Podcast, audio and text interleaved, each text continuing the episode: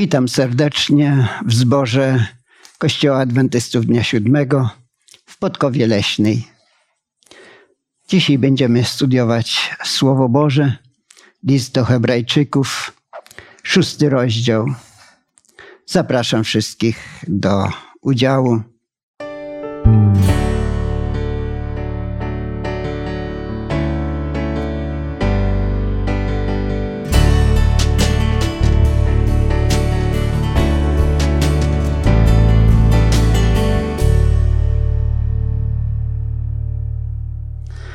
Dzisiaj z nami jest Leszek, Gabrysia, Esterka i ja, Julian.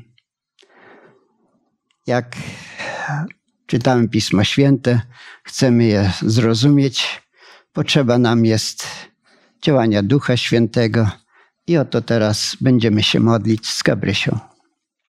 Najukochańszy Ojcze w niebie, bardzo proszę Cię o to, abyś otworzył nasze serce i umysły na to, co chcesz nam powiedzieć. Proszę Cię, abyś dał nam swojego Ducha Świętego. Niech On nas wypełni i poprowadzi przez to studium, aby wszystkie wnioski, które wyciągniemy, były Twoimi wnioskami i żeby to wszystko, to co teraz będziemy rozważać, było na Twoją chwałę. Amen. Amen. Amen. Gdy przyglądamy się, o czym apostoł Paweł mówił piątym rozdziale listu Hebrej, do Hebrajczyków, to mówił on o e, Jezusie jako tym naszym arcykapłanie, ale mówił też o tym, że e, Hebrajczycy czy Żydzi trochę tacy zmęczeni problemami, uciskami, pośmiewiskiem, zniechęcali się. I wiersz jedenasty piątego rozdziału mówi: O tym mamy wiele do powiedzenia, lecz trudno wam to wyłożyć, skoro staliście się ociężałymi w słuchaniu. Już nawet nie bardzo chcieli słuchać tych nauk Bożych. Co więcej, wiersz dwunasty, biorąc pod uwagę czas, powinniście być nauczycielami. Tymczasem znowu potrzebujecie kogoś, kto by was nauczał pierwszych zasad nauki Bożej.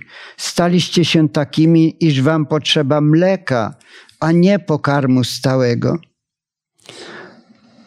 Ech, troszeczkę tak gani ich, już powinniście być nauczycielami a nie uczniami czy takimi dziećmi potrzebującymi mleczka do karmienia.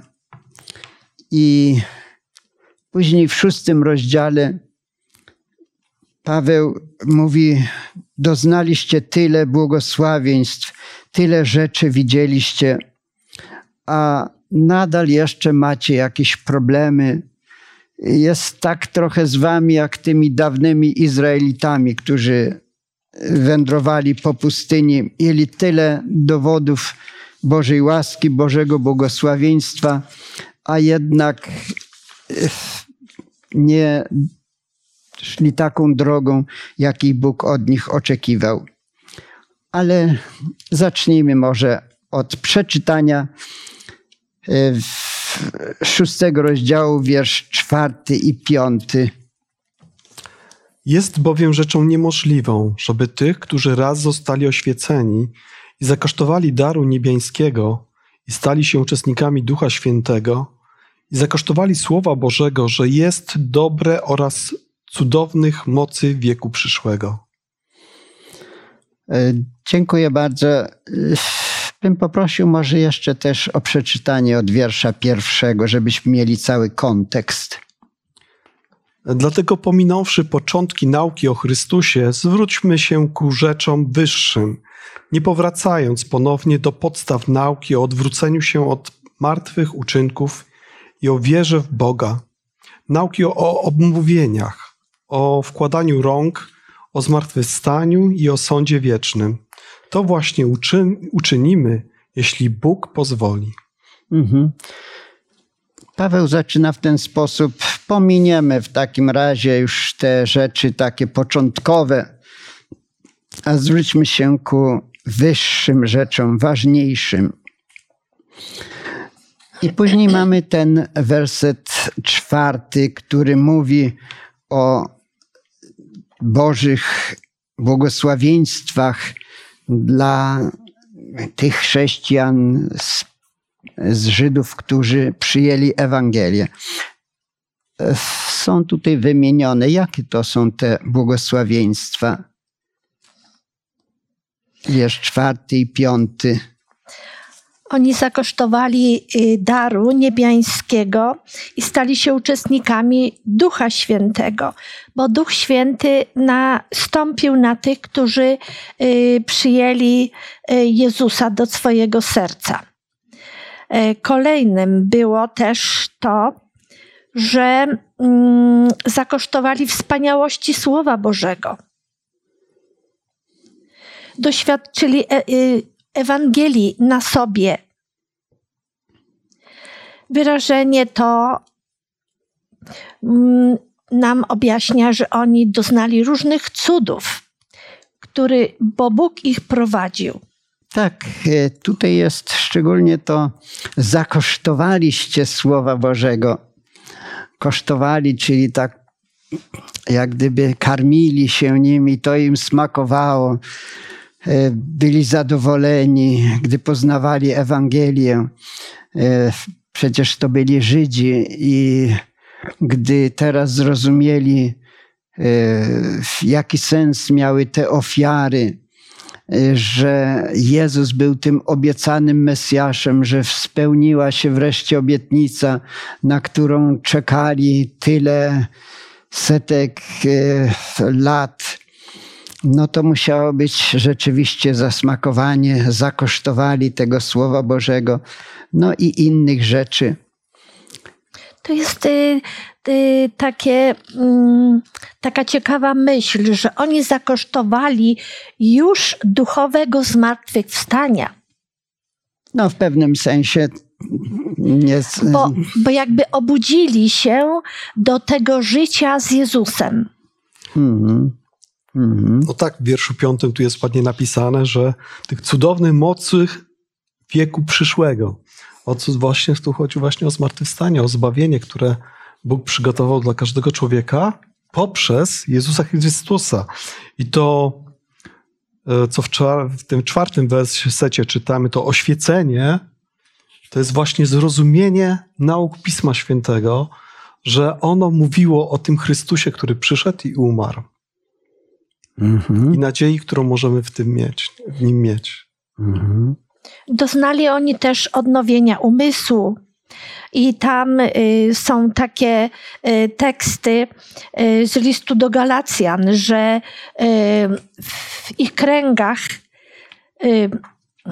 były te owoce Ducha Świętego, jak miłość, radość, pokój, cierpliwość, uprzejmość, uprzejmość dobroć, wierność, łagodność i wstrzemięźliwość. Na pewno było. Byli to ludzie, którzy się nawrócili, ale tak powoli jakoś stygli. E, nie bardzo już słuchali nawet tej Ewangelii. I Paweł czuł, że musi napisać do nich ten list i napisał. I trochę ostrzegał, i troszkę ganił. Zwłaszcza gdy przeczytamy może jeszcze wiersz szósty, ale y, czytajmy go w kontekście od wiersza y, czwartego do szóstego. Gabrysia, mogę cię prosić? Czwarty, szósty, tak? Dobrze. Jest bowiem rzeczą niemożliwą, żeby tych, którzy raz zostali oświeceni i zakosztowali daru niebiańskiego i stali się uczestnikami Ducha Świętego i zakosztowali Słowa Bożego, że jest dobre, oraz cudownych mocy wieku przyszłego, gdy odpadli powtórnie odnowić i przewieźć do pokuty, ponieważ oni sami ponownie krzyżują Syna Bożego i wystawiają go na urągowisko. No Paweł pewnie tak patrzy z żalem i, i myśli sobie, to są moi współbracia. E, a oni tak odchodzą od tej prawdy Bożej. Jeśli odpadną, to już nie będą mogli wrócić do tej Ewangelii. E, Bóg nie będzie mógł przywieźć ich, ich do pokuty. Dlaczego? Bo oni, może ktoś dopowie ten wiersz szósty, sami. Po, sami y, ponownie krzyżują Syna Bożego Mhm. i wystawiają go na orągowisko. Tak, mnie uderzyło to zwłaszcza ten czas teraźniejszy, że oni to teraz robią. Mhm. Tak zastanawiałem się, w jakim znaczeniu krzyżują ponownie Chrystusa. Czy chodziło to o to, że Żydzi ukrzyżowali raz Chrystusa, a oni dowracają jak gdyby do tego punktu, y, w którym ci, y, no bo to Żydzi wołali ukrzyżuj, y, że do, wracają właśnie do tego punktu, że stają właśnie po tamtej stronie krzyża i to jest Mhm. po prostu z drugiej strony barykady, jak gdyby w tym momencie stają. Mhm. Na pewno oni przechodzili trudne chwile sami. Tam wcześniej już y, czytaliśmy list do Hebrajczyków. Byli wyśmiewani, cierpieli, w więzieniach nawet byli. Niełatwo im było, ale Paweł chciałby powiedzieć: No, takie jest życie chrześcijańskie. Chrystus tyle wycierpiał. No i, i my musimy to znosić, bo na tym grzesznym świecie żyjemy. Zresztą Pan Jezus też w podobny sposób się wypowiadał. Może tu przeczytamy y, z Ewangelii Mateusza 16, 24. Kto ma pierwszy, może przeczyta.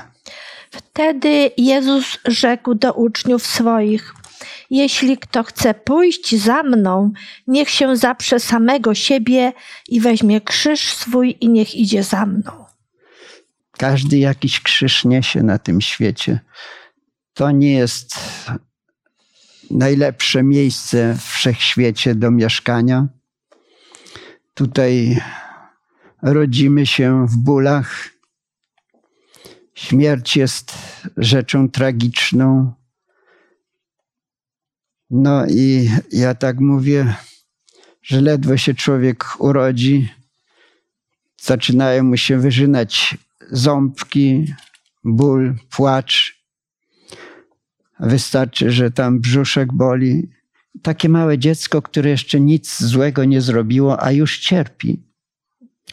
I, i to niestety, no, i musimy to nieść.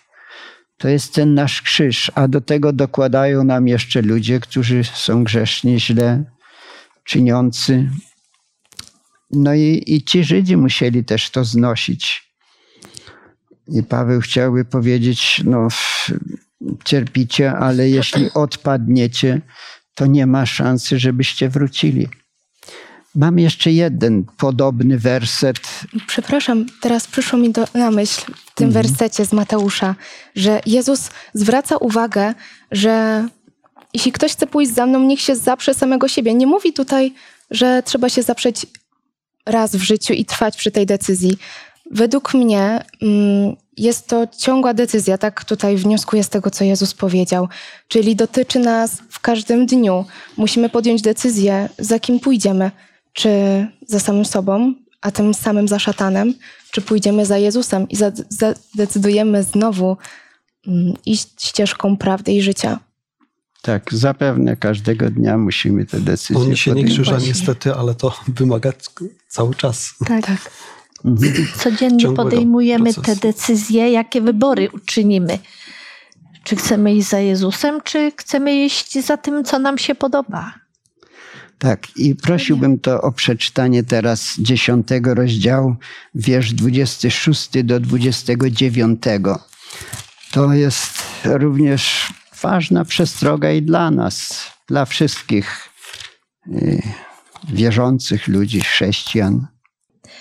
Bo jeśli otrzymawszy poznanie prawdy, rozmyślnie grzeszymy, nie ma już dla nas ofiary za grzechy, lecz tylko straszliwe oczekiwanie sądu i żarognia, który strawi przeciwników. Kto łamie zakon Mojżesza, ponosi śmierć bez miłosierdzia na podstawie zeznania dwóch albo trzech świadków. O ileż sroższej kary sądzicie, godzien będzie ten, kto Syna Bożego podeptał i zbezcześcił krew przymierza, przez którą został uświęcony i znieważył ducha łaski? Tak, bo jeśli otrzymawszy poznanie prawdy, rozmyślnie grzeszymy, to co jest napisane dalej? Nie ma już dla nas Ofiary Za grzech. za grzechy. Czyli tak jak gdyby Chrystus za nas nie umarł. Albo po prostu, jeśli rozmyślnie odchodzimy od Jezusa, to Jezus nam nie może pomóc. No jeżeli nie przyjmujemy tej ofiary i tego, co się z tym wiąże, no to niestety, ale ona nie ma dla nas mocy sprawczej, tylko wtedy, kiedy ją przyjmujemy. Dziękuję. Ten wiersz 29 jest bardzo mocny. O ileż sroższej kary sądzicie godzin będzie ten, kto Syna Bożego podeptał. A gdybyśmy mogli tak powiedzieć, rozejrzymy się dookoła i możemy powiedzieć, ten to, nie wiem, zbezcześcił Ducha Świętego, dla niego już nie ma nadziei, już e, nie ma odwrotu, e, nie ma dla niego ofiary za grzechy. Czy możemy tak powiedzieć o kimś? My raczej nie, bo to Bóg zna wszystko, wie, jakie są intencje człowieka, wie, jaki jest kontekst tego, dlaczego tak postępuje, a nie inaczej. E, Bo czasami e, odrzucamy na przykład kościół, którym jesteśmy, dlatego że ktoś nam tam nie pasuje, bo mamy z kimś konflikt, bo gdzieś tam jakaś zadra powstała, ale generalnie nie odrzucamy tych nauk i tego, w co wierzymy. E, Więc mamy wciąż szansę na to, żeby się z Bogiem pojednać. Z naszej jednak perspektywy, jeżeli ktoś odchodzi od prawd, jak gdyby, bo wiążemy często to z Kościołem, bo Kościół określa to, w co się wierzy. I jeżeli się przyznajemy do Kościoła, to wierzymy w to, co dany Kościół e, tutaj jak naucza. Więc to może być w takim razie. Z naszej perspektywy, niestety, nie możemy tego powiedzieć. My nie możemy o kimś. A czy możemy sobie powiedzieć, dla mnie już nie ma ratunku. Ja zabrnąłem za daleko, no bo nie wiem, y, po pijanemu urągałem powiedzmy Bogu, synowi Bożemu. To dla mnie już nie ma szans. Czy możemy sobie tak powiedzieć? Wydaje mi się, że jeżeli my nie po pijanemu tak powiemy, Boże, ja już jestem tak daleko od Ciebie, tak daleko zabrnąłem, to raczej to świadczy o tym, że Duch Święty działa na nas, że my widzimy, żeśmy źle zrobili i jest szansa powrotu do Boga. Mhm. No, No, mamy przykład w Biblii Judasza, który właśnie powiedział, że mój grzech jest tak straszny, Tak. że dla mnie już nie ma ratunku. a czy był ratunek, czy nie? Moim zdaniem był. Problem leżał w nim samym, że on zdecydował, że jednak nie. No właśnie. Wierzył A gdy- kłamstwom szatana przez wyrzuty sumienia, bo Jezus powiedział, że jeśli ktoś chce pójść za mną, niech zaprze się samego siebie i weźmie krzyż swój i niech idzie za mną. On nie powiedział, że jeśli uczynisz to lub to, to nie możesz. To jest oferta dostępna dla każdego. Czyli moglibyśmy powiedzieć, że tak naprawdę to człowiek sam na siebie wydaje wyrok. Bóg daje człowiekowi zawsze szansę, a jak powiesz, nie, ja już jestem, e, ja już może tutaj wspominałem kiedyś, miałem takiego znajomego, który pił i ja chciałem mu pomóc trochę. E, A on mi powiedział, Julek, zostaw mnie, wiesz, ja już jestem taka szmata, mnie już nic nie pomożesz tak mi było przykro, bo ja rzeczywiście myślałem, już planowałem tam wziąć go od swoich koleżków, pijaczków y, do naszego ośrodka, gdzie by tam mógł być i wśród niepijących może by się odzwyczaił. W sumie bardzo miły człowiek. No, no ale jeśli on tak zdecydował, zostaw mnie, ja już jestem taka szmata, ze mnie nic nie zrobisz, to co można zrobić? Jak pomóc takiemu No, człowiekowi? no właśnie, ja nie dokończyłam jeszcze tej myśli, że ktoś może mówić, że ja jestem po prostu do niczego, do niczego się też nie nadaje, że ja już jestem no po prostu bez talencie, bez wszystkiego, ja Pan Bóg ze mnie nie będzie miał żadnej e, korzyści. Jeżeli wtedy upadamy na kolana i prosimy, Boże, pomóż mi, z pokorą prosimy, pomóż mi, może jest jeszcze nadzieja dla mnie. To jest nadzieja. Bóg pracuje nad nami, nad naszymi sercami i uczymy się z tego z Pisma Świętego. Dlatego jest tak ważne, żeby człowiek popatrzył na to, co jest napisane i uwierzył.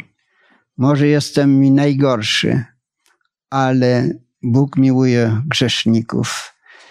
E, Jeśli wybaczył, powiedzmy, Saulowi, który prześladował chrześcijan i jest powiedziane, że nawet Pana Jezusa prześladował, bo głos się odezwał, dlaczego mnie prześladujesz? I była dla niego łaska, to znaczy trzeba uwierzyć, że jest ta łaska. Nie wierzyć szatańskim podszeptom, dla mnie nie ma szansy. Chyba, że tak jak czytaliśmy, że się nadal to robi i świadomie się to robi, no to w tym wypadku nie ma możliwości nawrócenia. Czytajmy dalej od wiersza siódmego do dwunastego, szósty rozdział listu do Hebrajczyków. Albowiem ziemia, która piła deszcz często na nią spadający i rodzi rośliny użyteczne dla tych, którzy ją uprawiają, otrzymuje błogosławieństwo od Boga. Lecz ta, która wydaje ciernie i osty, jest bezwartościowa i bliska przekleństwa, a kresem jej spalenie. Ale i chociaż tak mówimy, to jeśli chodzi o nas, umiłowani jesteśmy przekonanymi o czymś lepszym, zwłaszcza co dotyczy zbawienia. Wszak Bóg nie jest niesprawiedliwy, aby miał zapomnieć o dziele waszym i o miłości, jaką okazywaliście dla imienia Jego, gdy usługiwaliście świętym i gdy usługujecie. Pragniemy zaś, aby każdy z was okazywał tę samą gorliwość dla zachowania pełni nadziei aż do końca, abyście się nie stali ociężałymi, ale byli naśladowcami tych, którzy przez wiarę i cierpliwość dziedziczą obietnicę. Mamy tutaj wymienionych kilka pozytywów pod adresem tych y, judeo-chrześcijan, tych Żydów, którzy przyjęli chrześcijaństwo. Y, Wymieńmy je jeszcze raz może. No, oni byli gościnni, troszczyli się o współbraci, i, a zwłaszcza o tych, którzy przyjeżdżali tam, y, aby im usłużyć. I wtedy usu- y, dbali o nich i, i nadal dbają o nich. Mhm. Nie wiemy, co jeszcze Paweł miał na myśli, kiedy powiedział: Wszak Bóg nie jest niesprawiedliwy, aby miał zapomnieć o dziele waszym. Tak e, Proszę. sądzę, że to, co Paweł miał tutaj na myśli, to nie to, że te uczynki w jakiś sposób są w stanie zbawić tych ludzi, bo tutaj wielokrotnie w innych wersetach podkreśla właśnie tą rolę Chrystusa, jaką tą właśnie kotwicę naszego zbawienia, której się powinniśmy trzymać, ale pokazuje ludziom, że nie jesteście w beznadziejnej sytuacji, że te wszystkie trudy, nawet wasze upadki, to nie jest to, co was dyskwalifikuje. Bo Bóg pamięta, że były też dobre chwile w waszym życiu i że zrobiliście dużo też dobrego. I patrzcie pod tym kątem, że Bóg tak was, na was patrzy. Że nie patrzy na, na grzesznika, że o, potknął się, to jestem, to fajnie, to ja go teraz e, odsunę od zbawienia. To nie na tej zasadzie. Bóg ceni każdą dobrą rzecz, którą robimy dla Jego imienia. E, Ma to w pamięci i będzie się starał za wszelką cenę, aby każdy człowiek został zbawiony. Mhm. No i takie teraz pragnienie Pawła, wiersz 11 i 12. Podkreślmy te myśli. Czego pragnąłby Paweł, myśląc o y, tych judeochrześcijanach? Aby każdy z was co? Był gorliwy. Wykazywał wielką gorliwość dla zachowania pełni nadziei aż do końca. Mhm. No i żeby nie stali się ociężałymi, takimi, no gdzie gdzieś tam z tyłu się wloką, tak jak Izraelici y, maszerowali, a tam wlekli jacyś się zawsze jakcyś maruderzy. Tacy, no, są utrudnieniem dla innych. No, on właśnie jeszcze tutaj podkreśla, że ym, którzy przez wiarę i cierpliwość dziedziczą obietnicę. Ale mówi to o tych, którzy Którzy? poprzedzali ich, abyście się nie stali ociężałymi, ale byli Mhm. naśladowcami tych, którzy przez wiarę i Tak, cierpliwość tak. dziedziczą obietnicę. Tak jest. Czyli chciał powiedzieć też, macie kogo naśladować, y, jeśli chodzi o ludzi nawet. W tym wersecie 12 znajdujemy to zach- tą zachętę, żeby brać z tych, którzy już uwierzyli Bogu, ich życie już przeszło, ale patrząc na, je, na nie z perspektywy nas, którzy żyjemy po nich, możemy widzieć, że ich nadzieja nie była płonna, że Bóg dotrzymał tej obietnicy, którą mi dał, a z którą oni właśnie żyli i z której się trzymali. Mhm. Co ciekawe, chciałabym zwrócić naszą uwagę, e, są dwa piękne wersety w psalmie 25. Twórzmy razem. mm, I werset 8 i 9. Pan jest dobry i prawy, dlatego wskazuje drogę grzesznikom, prowadzi pokornych drogą prawa i uczy ich drogi swojej. To jest bardzo piękne, bo Pan wskazuje drogę grzesznikom, dlatego że jest dobry i prawy. Nie dlatego, co ci ludzie zrobili bądź zrobią, n- nie przekreśla to tego, że mogą pójść za Panem, bo On nie sprawdza i nie patrzy przez pryzmat ich uczynków. Widzi istotę człowieka, istotę, którą stworzył, którego imię znał już w łonie mamy i dlatego, że jest dobry i prawy, a te, taką ma naturę, chce każdego wyprowadzić na drogę życia i prawdy, którą jest On sam.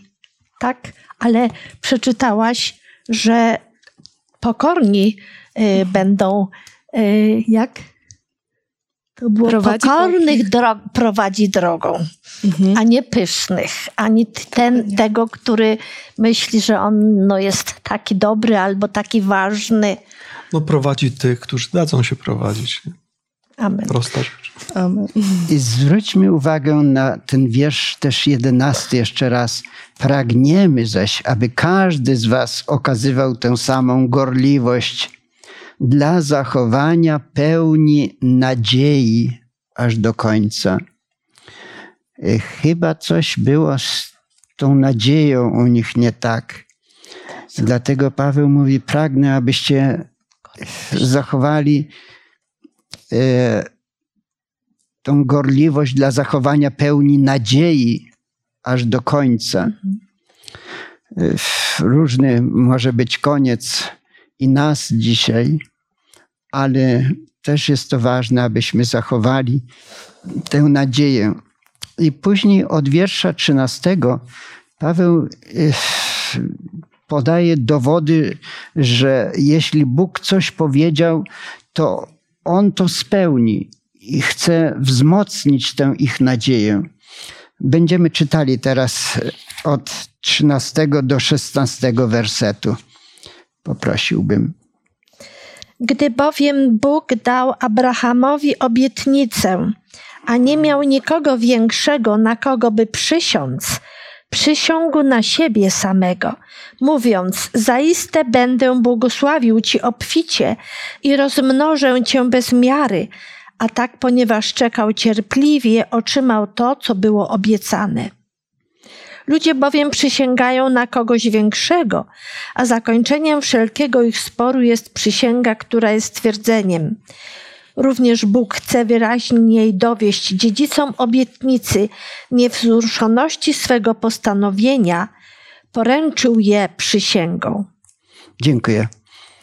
Y, Tutaj y, Paweł przypomina Żydom historię, którą oni już znają. Jak to Bóg przysiągł Abrahamowi, że będzie miał potomka.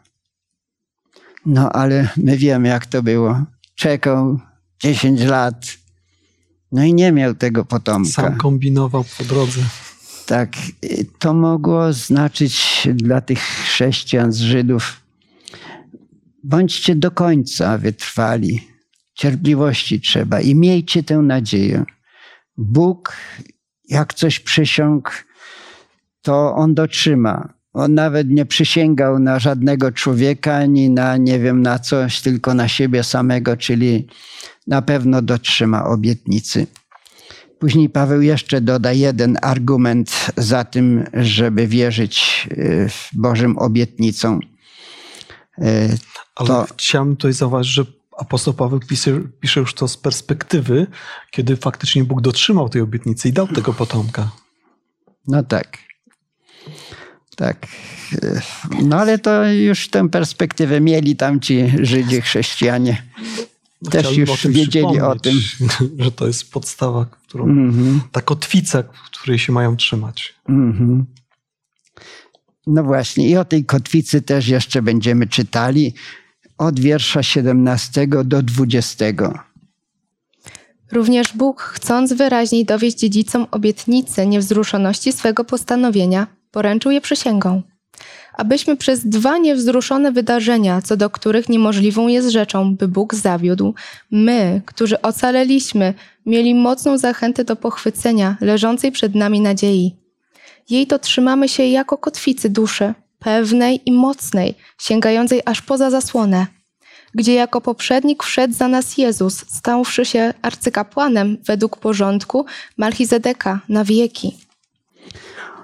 O jednym momencie już żeśmy wspomnieli, mianowicie, że Bóg nie może zawieść. E, Paweł mówi, że to są, że są dwie takie, dwa niewzruszone wydarzenia. Jedno to to, że Bóg przysiągł, przysiągł sam na siebie, nie może skłamać. A drugie jest to wydarzenie, które jest porównane do kotwicy duszy. O czym tutaj y, mówi apostoł Paweł?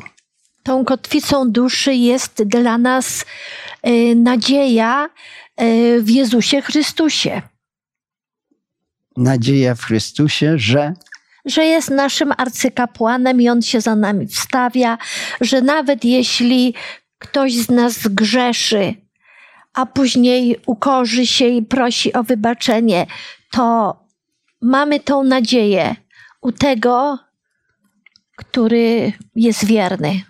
Mhm. Dziękuję. Tu ciekawego używa określenia.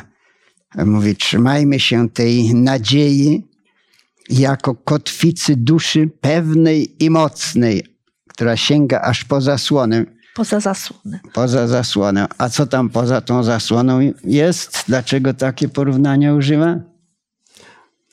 No, miejsce najświętsze. Tak, i tam jest Jezus, który wszedł tam e, jako poprzednik nasz i jest arcykapłanem. Izraelici raz y, składane były ofiary i arcykapłan raz w roku wchodził do miejsca najświętszego, gdzie był potem y, oczyszczał cały lud. A Pan Jezus jest naszym arcykapłanem, który jest właśnie w tym najświętszym miejscu. I on y, oręduje za nami. Tak. Podoba mi się tutaj taka przenośnia. Trzymamy się tej nadziei jak kotwicy duszy, pewnej i mocnej. Pewnej, mocnej, to jest nasza kotwica. To, że Jezus jest tam w świątyni niebiańskiej i jest naszym arcykapłanem. No a jeśli On jest za nami, to któż przeciwko nam byśmy powiedzieli? Tutaj jest taka bardzo fajna uwaga. Obecność Jezusa przed Ojcem jest kotwicą duszy, sięgającą Bożego tronu. Bóg zaręczył w ten sposób swoim autorytetem, że spełni swoją obietnicę daną nam w Jezusie. To miała być e, taka pomoc dla tych e, Żydów, którzy e, zniechęceni byli trochę, ociężali, jak to Paweł nazywa, nawet już. Ale przecież, mówię, tyle dobrego robiliście. Byliście gościnni, pomagaliście. Bóg to widzi wszystko. Wytrwajcie do końca. Nie traćcie nadziei. Jezus jest tym, który się wstawia za nami. On nam pomoże. I to jest bardzo dobra zachęta. No ale w życiu nadal jesteśmy tu na tej ziemi i musimy toczyć walkę ze złem, ze sobą. A Ellen, Ellen White napisała: Najcięższą walką jest walka z samym sobą. Mamy przykłady w Piśmie Świętym, że można odnosić zwycięstwa. Tutaj w naszym studium mamy nawet podane imię takiego młodego człowieka, który odniósł zwycięstwo opisanego w Biblii. To jest kto? Jan. Jan. Bóg go nazywa synem gromu. Powiedział kiedyś do niego jego brata: Nie wiecie, jakiego ducha jesteście znaczy niedobrego ducha mieli. No a później tak pięknie Jan poszedł za Jezusem i tak pięknie mówił Dziadeczki. o miłości, o innych wierzących. To mówił właśnie ten zwrot. Dziateczki moje, dzieci moje.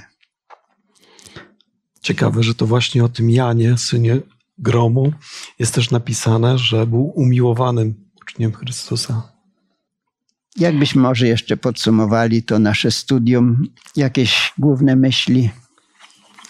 No, w tych wszystkich wersetach apostoł Paweł właśnie zwracał tym już troszeczkę osłabłym, osłabłym wierze chrześcijanom pochodzenia, pochodzących z Żydów, że nadzieja, którą mają, jest czymś naprawdę niesamowitym. Ona została udokumentowana w Słowie Bożym. Mają tą nadzieję, której mogą przeczytać, e, która została dana ich przodkom, Abrahamowi, Izakowi, Jakubowi. I Bóg to wszystko dotrzymał. Teraz musimy tylko wytrwać w tym, w co wierzymy, aby to wszystko mogło przynieść bardzo dobry owoc, czyli w postaci tego zbawienia, którego będziemy mogli doświadczyć, kiedy Chrystus powróci na tą ziemię po raz wtóry. Jan y, był najmłodszym uczniem y, Jezusa. I on, on tak bardzo przywiązał się do Jezusa, on go tak bardzo pokochał, że tam jest napisane, jak w wieczerniku, to on oparł swoją głowę o jego pierś i, i później, kiedy Jezus został już zabrany, on trwał w tych naukach. Później na, na wyspie Patmos, kiedy pisał Księgę Objawienia, i później, kiedy pisał list, listy swoje, to widać tą, tą łączność z Jezusem tą Jego dobroć, tą Jego miłość. I my, jeśli będziemy trwali w tej łączności z Jezusem na co dzień, to będziemy właśnie tacy, tacy ciepli, tacy uprzejmi dla drugich. No, będziemy posiadali te dary ducha, które już wymieniłam, które są wymienione w liście do Galacjan i inne. A ja bym zakończył może wersetem z szóstego rozdziału, wiersz jedenasty.